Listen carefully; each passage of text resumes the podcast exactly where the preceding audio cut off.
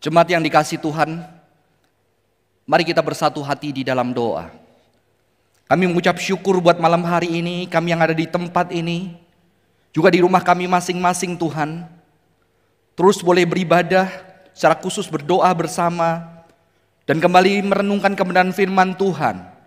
Tuhan tolong kami kiranya firman Tuhan boleh menguatkan kami, meneguhkan iman kami.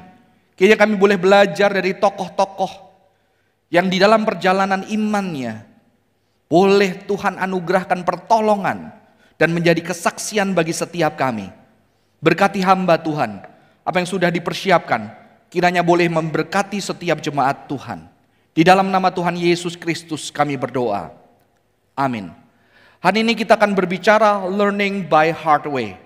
Bagaimana kita belajar melalui jalan yang sulit. Kita akan membuka Alkitab kita Ibrani 11 ayat yang ke 13 sampai 14, lalu ayat yang ke-16 dan ayat 39 sampai dengan yang ke-40. Saya akan bacakan untuk setiap kita. Ibrani pasal yang 11 ayat yang ke-13 sampai 14. Dalam iman mereka semua ini telah mati sebagai orang-orang yang tak memperoleh apa yang dijanjikan itu. Tetapi yang hanya dari jauh melihatnya dan melambai-lambai kepadanya dan yang mengakui bahwa mereka adalah orang asing dan pendatang di bumi ini. Sebab mereka yang berkata demikian menyatakan bahwa mereka dengan rindu mencari suatu tanah air. Ayat yang ke-16.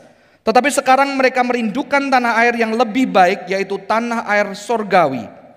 Sebab itu Allah tidak malu disebut Allah mereka karena ia telah mempersiapkan sebuah kota bagi mereka.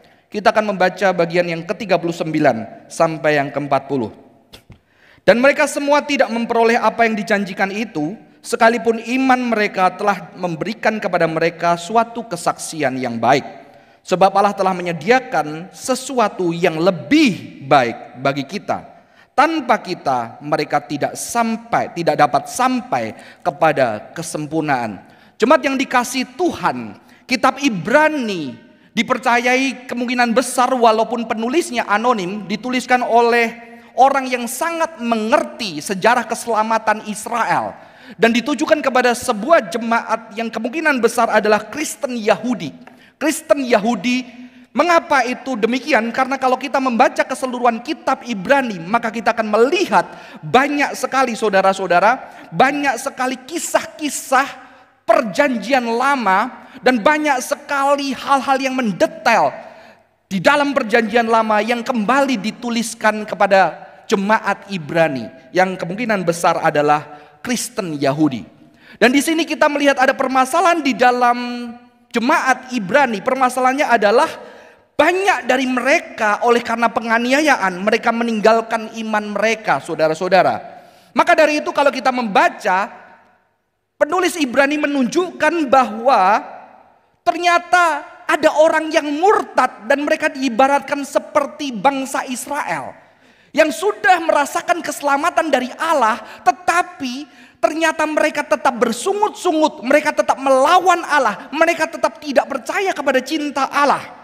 Dan di situ diperlihatkan bahwa 40 tahun mereka menyaksikan perbuatan Allah yang ajaib. 40 tahun mereka menyaksikan mujizat Allah yang begitu luar biasa membawa mereka keluar dari Mesir. Tetapi akhirnya mereka tetap tidak percaya akan kasih Allah. Jadi penulis Ibrani menunjukkan kesamaan untuk menegur jemaat pada masa itu apakah mereka tidak melihat kasih Allah yang besar? Dan itu seperti orang Israel yang sudah mengalami Tuhan selama 40 tahun tetapi akhirnya mereka tidak percaya bahwa Tuhan itu mengasihi mereka maka tidak heran juga ketika kita melihat di 11 ini, di pasal yang 11 mulai dinyatakan yang berbeda. Bukan hanya Israel yang buruk, yang menjadi contoh tidak baik, tetapi penulis juga menunjukkan ada orang-orang pilihan Israel. Orang-orang hebat, saksi-saksi iman di dalam sejarah keselamatan Israel. Yang ternyata mereka menunjukkan iman yang luar biasa. Di sini penulis Ibrani menunjukkan Israel yang murtad tetapi juga menunjukkan banyaknya saksi-saksi iman yang bahkan dikatakan mereka tidak penulis tidak bisa menambahkan lebih banyak lagi karena tidak cukup. Saudara-saudara, di sini saya melihat bahwa jemaat mengalami penganiayaan dan penolakan sehingga banyak meninggalkan iman. Banyak jemaat mengalami kesulitan maka meninggalkan iman. Saudara-saudara sudah hampir satu tahun kita tidak beribadah secara onsite. Dan sekarang ketika saya melihat banyak gereja yang dulu ketika onsite apa offline pertama banyak sekali menonton, banyak sekali orang ikat ibadah dan hampir yang saya lihat beberapa gereja mulai walaupun kita tidak melihat viewers ya saudara-saudara, tetapi mulai ada penurunan hampir di setiap gereja. Jadi mungkin orang sudah lelah dengan kondisi seperti ini. Orang sudah mulai mempertanyakan iman. Kalau dulu katanya tidak mengikut Tuhan akan begini-begini. Sekarang ternyata satu tahun bisa dilewati tanpa Tuhan. Tanpa harus ke gereja. Tanpa harus sungguh-sungguh beribadah. Tetapi kita tetap oke. Okay. Ternyata kesulitan saudara-saudara bisa membuat kita meninggalkan iman kita. Ya. Dan ini dialami oleh jemaat Ibrani. Tetapi ketika saya membaca Ibrani yang 11 ayat 38 39, dunia ini tidak layak bagi mereka. Mereka mengembara di padang gurun dan di gunung pegunungan, di dalam gua-gua dan celah-celah gunung dan mereka semua tidak memperoleh apa yang dijanjikan itu sekalipun iman mereka telah memberikan kepada mereka suatu kesaksian yang baik. Di sini penulis Ibrani menunjukkan bahwa tokoh-tokoh yang dikutip di Ibrani 11 ini mereka juga mengalami kesulitan. Mereka mengalami kesulitan dan mereka mengalami penganiayaan. Mereka punya hidup yang sungguh-sungguh tidak nyaman sekali. Saya mengutip sebuah judul dari sebuah buku doktrin Foundations of Evangelical Theology. Judul doktrin of church-nya adalah Sojourners and Strangers. Jadi dia mengatakan gereja itu apa? Sojourners and strangers. Jadi gereja itu sebetulnya adalah Orang yang cuma mampir atau orang asing di dunia ini. Dan luar biasanya penulis Ibrani ini menunjukkan bahwa ternyata tokoh-tokoh iman ketika menjejakkan kakinya di bumi. Mereka adalah para pendatang dan mereka orang asing yang tidak mendapatkan tempat di bumi ini. Saudara-saudara mungkin kita lupa. Karena ketika kita jadi orang Kristen, kita merindukan berkat Tuhan menolong kita. Kita merindukan berkat Tuhan menuntun kehidupan kita, memberkati kita dan menjagai kita. Kita lupa bahwa ternyata tokoh-tokoh iman itu, spirit yang mereka miliki adalah mereka cuma mampir, pendatang atau orang asing di bumi ini. Dunia mengajarkan kita, bekerjalah, kumpulkanlah up. Dapatkanlah sehingga hidupmu bisa terjamin, sehingga hidupmu tidak susah. Mungkin kita juga mengajarkan ke anak-anak kita, kumpulkanlah kerja yang baik, menikah dengan orang yang kaya, usahakanlah kamu menabung dan segala macamnya. Saudara-saudara, Alkitab mengajarkan itu baik, tetapi banyak kali kalau kita tidak berhati-hati, kita juga jadi seperti zaman di dunia ini yang akhirnya kita lupa bahwa dunia ini orang-orang percaya ketika hidup di dunia dunia ini. Mereka adalah sojourners and strangers. Dan inilah orang-orang iman saudara-saudara. Jadi kita melihat hal ayat tadi diulang dua kali saudara-saudara di ayat yang ke-38 dan 39, tapi di ayat 11 uh, eh, di Ibrani 11 ayat 13 diulangi lagi. Dalam iman mereka semua ini telah mati sebagai orang-orang yang tidak memperoleh apa yang dijanjikan itu, tetapi yang hanya dari jauh melihatnya dan melambai-lambai kepadanya dan mengakui bahwa mereka adalah orang asing dan pendatang di bumi ini. Jadi luar biasanya di dalam seluruh pasal 11 ini diulangi dua kali bahwa orang-orang orang beriman, mereka adalah adalah sojourners and strangers. Mereka adalah orang-orang asing. Mereka nggak nyaman di bumi ini. Ya, bukan berarti kita tidak boleh mencari kenyamanan. No. Saudara-saudara kesulitan itu pasti dialami seluruh umat manusia. Dan ketika kita kesulitan, kita meminta kepada Tuhan untuk menolong kita di dalam kesulitan kita, boleh saudara-saudara. Itu memang Tuhan datang dan mengatakan, datanglah kepadaku yang letih lesu dan berbeban berat. Tapi apakah kesulitan yang Tuhan mau, hanya kesulitan seperti orang pada umumnya. Ketika kita seperti orang pada umumnya, kesulitan karena pandemi ini dan Tuhan berkati aku supaya hidupku lebih baik. Kesulitan orang beriman berbeda kesulitan kita. Yang Tuhan minta adalah kesulitan oleh karena iman kita. Bukan hanya kesulitan biasa, semua orang kesulitan.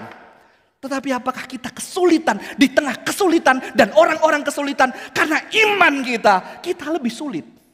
Maka saya mengatakan di pandemik ini, orang-orang Kristen lebih sulit. Mengapa? Karena di dalam kesulitannya, dia harus menggumulkan bagaimana Tuhan bisa memakai mereka untuk menjadi berkat teman-teman dan saudaranya yang lebih sulit, saudara-saudara. Jadi saya, saya mengajak kita bergumul. Apakah kesulitan kita hanya kesulitan yang pada umumnya? Sedangkan tokoh-tokoh iman di sini, kesulitan mereka adalah kesulitan karena iman mereka. Ya. Yeah Kesulitan karena iman mereka dan mereka menjadi orang asing dan pendatang di bumi ini. Saudara-saudara ingatlah bahwa kita adalah orang asing dan pendatang di bumi ini, saudara-saudara, ya.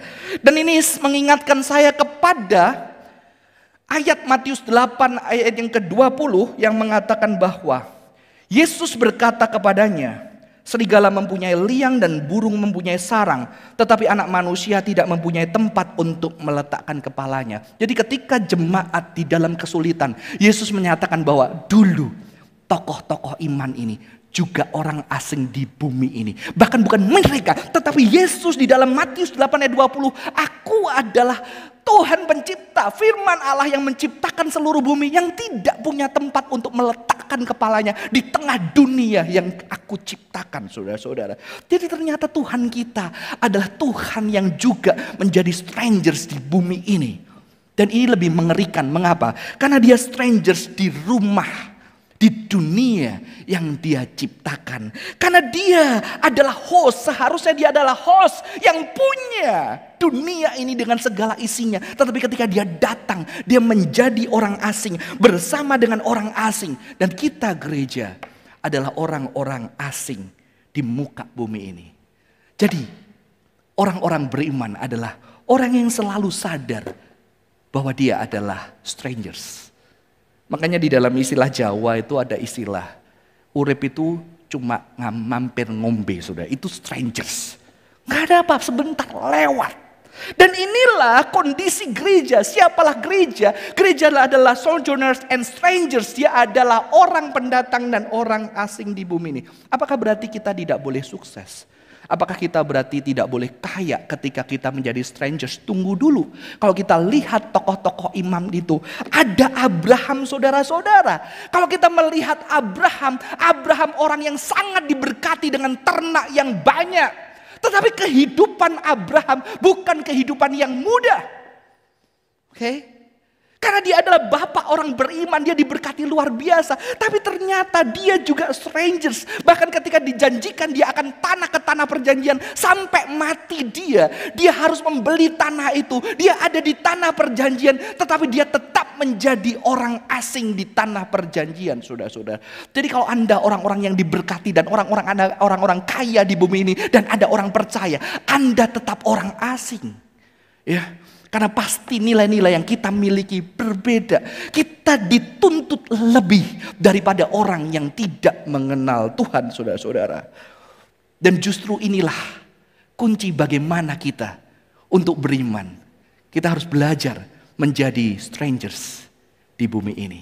Saya suka dari agama seberang yang sebetulnya saya percaya diwarisi oleh kekristenan yang mengatakan bahwa semua yang kita miliki hanya titipan Tuhan. Termasuk orang-orang yang dicintai, termasuk keluarga, semua hanya titipan Tuhan. Dan mengapa penting menjadi orang asing dan orang yang lemah? Paulus mengatakan di dalam 2 Korintus 12 ayat 9, tetapi jawab Tuhan kepadaku, cukuplah kasih karuniamu bagimu. Sebab justru dalam kelemahan kuasamu menjadi sempurna. Sebab itu lebih suka aku bermegah atas kelemahanku supaya kuasa Kristus turun menaungi aku. Saudara-saudara, mengapa kita tidak mengalami kuasa Tuhan yang begitu dahsyat?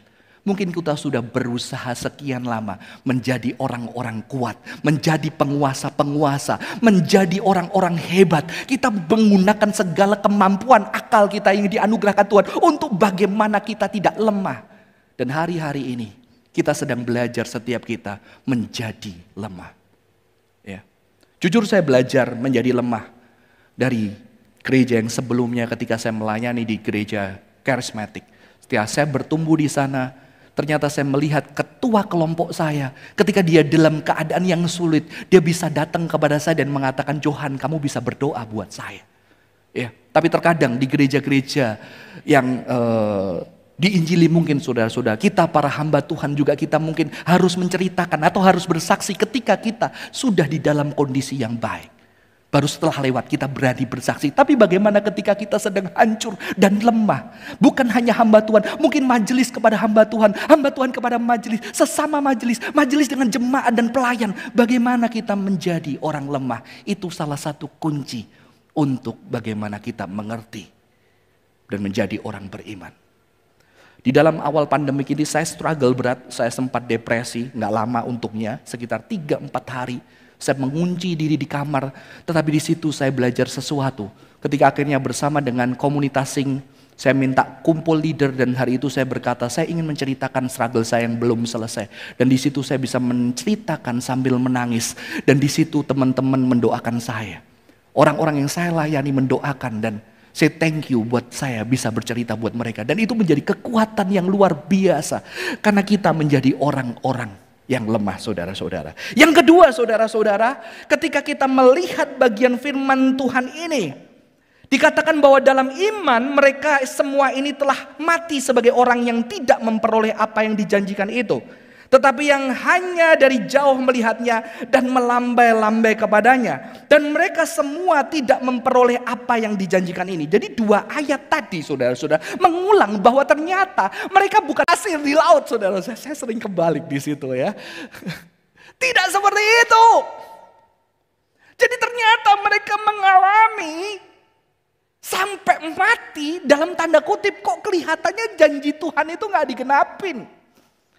Maka saya mengutip seorang teolog dan filosof yang mengatakan ini hope against hope. Dan ini diambil dari Roma pasal 4 ayat 18. Sebab sekalipun tidak ada dasar untuk berharap di dalam terjemahan Inggris against all hopes. Jadi pengharapan yang melampaui pengharapan. Ya against all hope. Namun Abraham berharap juga dan percaya bahwa ia akan menjadi bang bapak banyak bangsa. Menurut yang telah difirmankan, demikianlah banyaknya nanti keturunanmu. Jadi ada hope against hope di para tokoh beriman ini.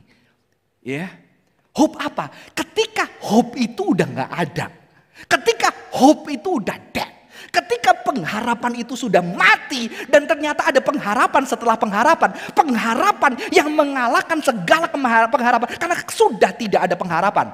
Di dalam satu filosof mengatakan bahwa ini impossibility. Justru hope ini yang ada di tengah impossibility. Saudara-saudara. Saya mengutip dari Caputo. The name of God is the name of the chance for something new. For a new birth. For the expectation the hope, the hope against hope in a transforming future. Without it, we are left without hope and are observed by rational management techniques. Jadi ternyata dia ngatain Tuhan itu, nama Tuhan itu sebagai sebuah kesempatan yang terus berubah. Terus berubah yang tidak bisa kita prediksi.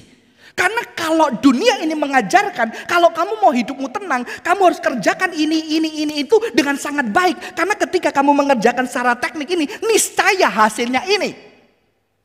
Tetapi ternyata iman tidak seperti itu. Karena Tuhan itu chance yang selalu baru. Ada new birth. Ada kelahiran-kelahiran baru yang tidak bisa kamu harapkan. Yang tidak bisa kita harapkan. Maka saudara pasti pernah mengalami ketika kita di dalam satu kesulitan. Kita berharap, wah dulu gue ditolong sama orang A. Dan kita berharap ternyata orang A tidak menolong. Betul? Dan ternyata Tuhan pakai cara yang aneh.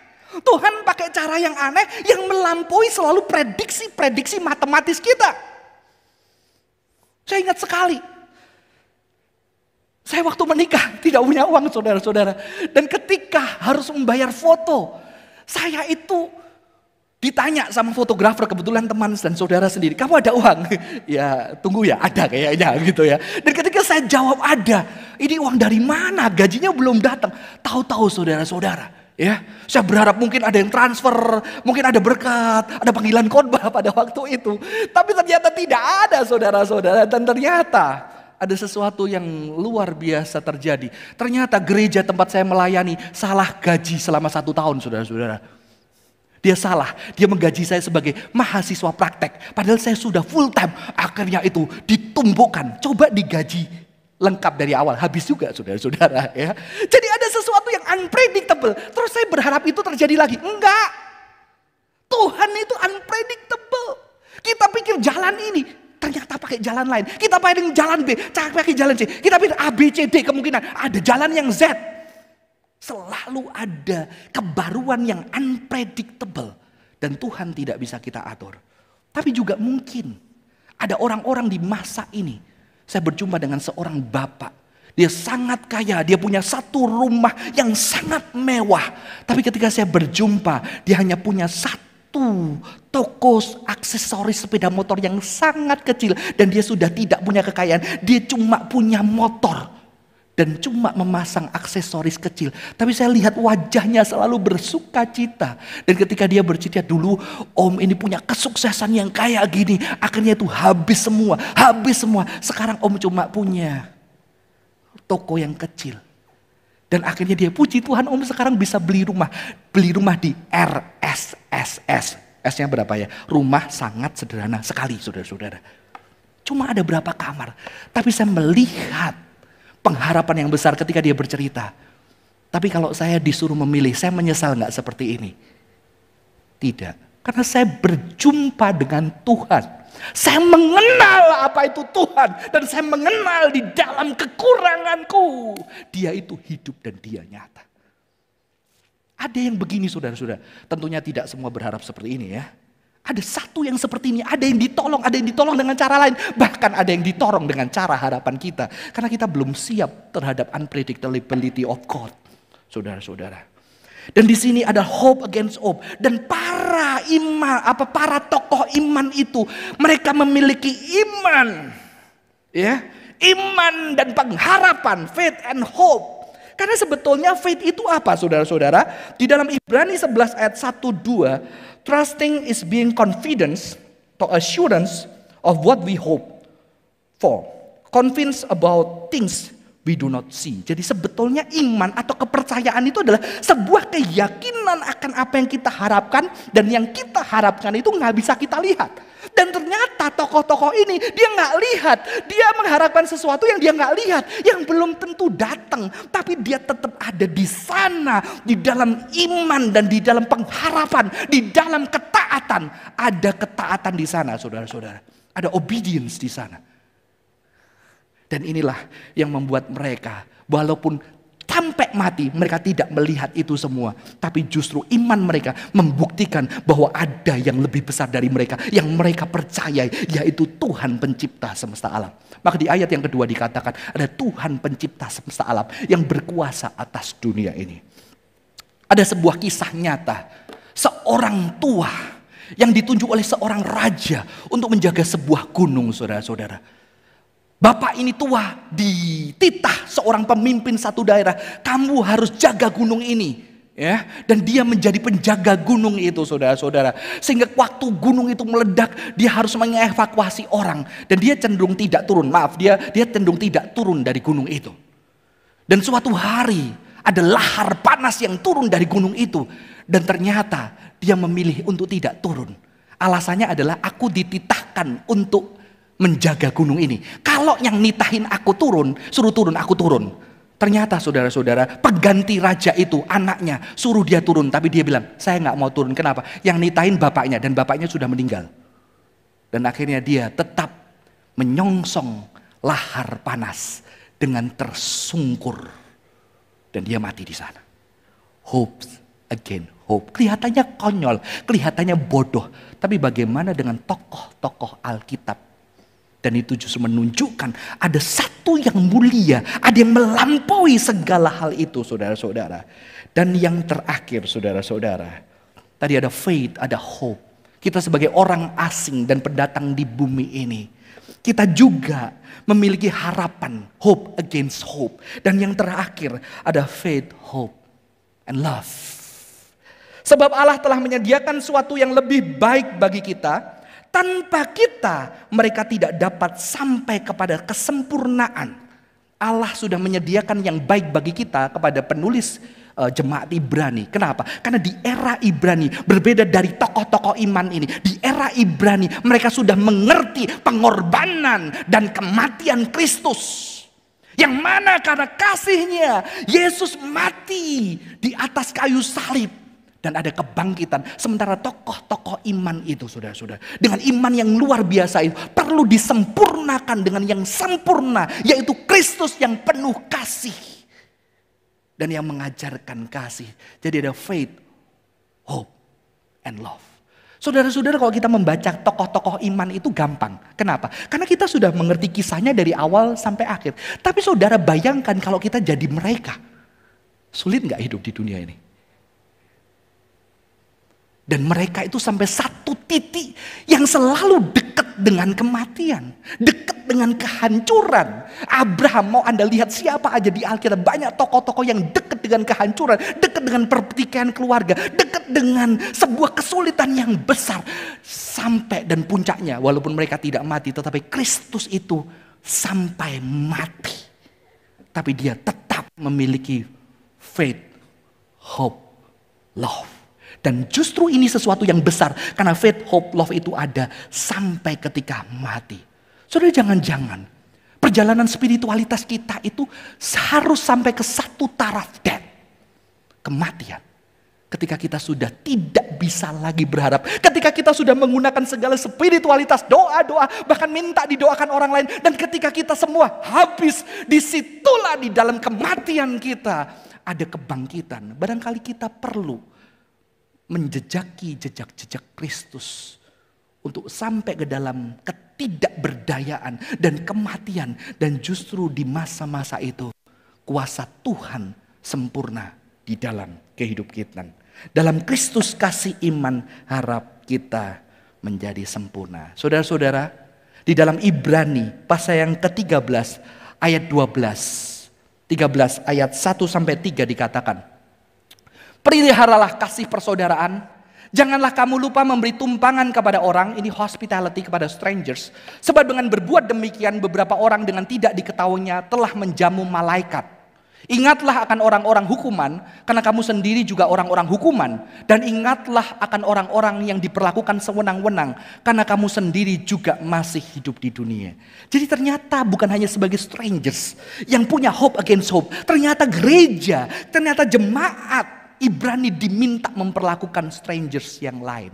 Strangers yang memperlakukan strangers yang lain dengan kasih, dengan kasih Kristus. Dan itulah yang dilakukan Kristus di atas kayu salib. Saya akan mengakhiri khotbah ini dengan sebuah video saudara-saudara. Ini adalah satu video novel atau video yang saya sangat tersentuh berjudul Les Miserables Berbicara tentang seorang tokoh Jean Valjean. Dia adalah orang yang dulu karena kemiskinan di Prancis pada masa itu. Dia mencuri sebuah roti. Dan karena mencuri sebuah roti. Kalau tidak salah dia dipenjara selama 9 tahun. Dan sementara dia tinggal di penjara. Dia menjadi orang yang jahat. Dan akhirnya dia lari ke penjara. Dan dia disambut mendapatkan hospitality. Dari seorang uh, uh, rahib di gereja. Dan ketika dia mendapatkan hospitality itu. Dia curi semua harta kekayaan di situ. Dan ketika dia pergi dia tertangkap. Dia dibawa kepada pemimpin gereja itu. Dan polisi mengatakan, oh ini mengatakan bahwa kamu kasih peralatan ini.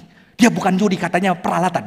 Ternyata pemimpin gereja pada waktu itu mengambil uh, benda perak lagi. Iya saya kasih dan ada yang tertinggal. Dan dia kasih itu kepada John Valjean dan mengatakan hidupmu sudah beli dengan lunas, dibayar dengan lunas berbuatlah lebih baik. Dan sejak itu dia berubah. Dia berubah. Dia menjadi pribadi yang sungguh hospitable kepada orang. Sampai akhirnya dia merawat seorang anak yang mamanya mati di perusahaan dia, yang dia tidak tahu ternyata di bawah dia ada orang jahat, membuat seorang wanita yang sendirian itu mati dan anaknya dia pelihara sampai hari tua. Dan di sini dia tetap setia mengasihi sampai akhir hidupnya sembari menantikan satu dunia, satu dunia. Karena kita adalah orang-orang strangers mencari menantikan satu dunia yang penuh dengan kasih dan keadilan yang suatu hari akan Tuhan nyatakan di bumi ini. Kita akan kiri dengan video ini. On this page, I write my last confession. Read it well when I at last am sleeping. It's the story of one who turned from hating, a man who only learned to love when you were in his keeping.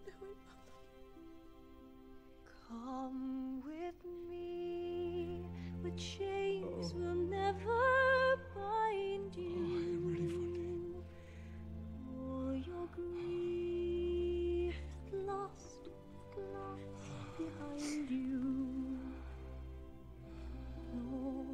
heaven, look down on him in mercy. Forgive me all my trespasses and take me to your glory. Take my hand,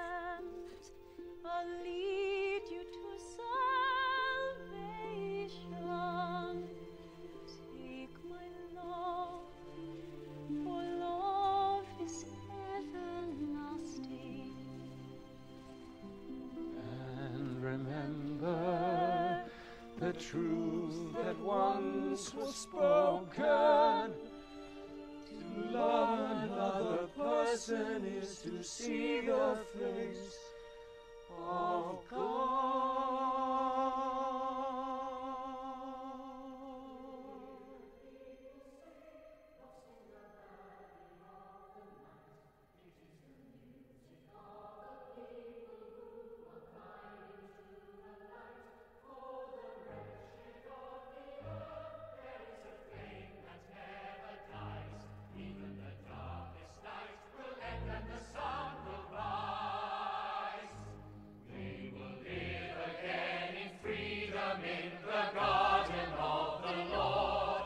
will walk behind the plowshare, we will put away the sword. The chain will be broken and all men will have their reward.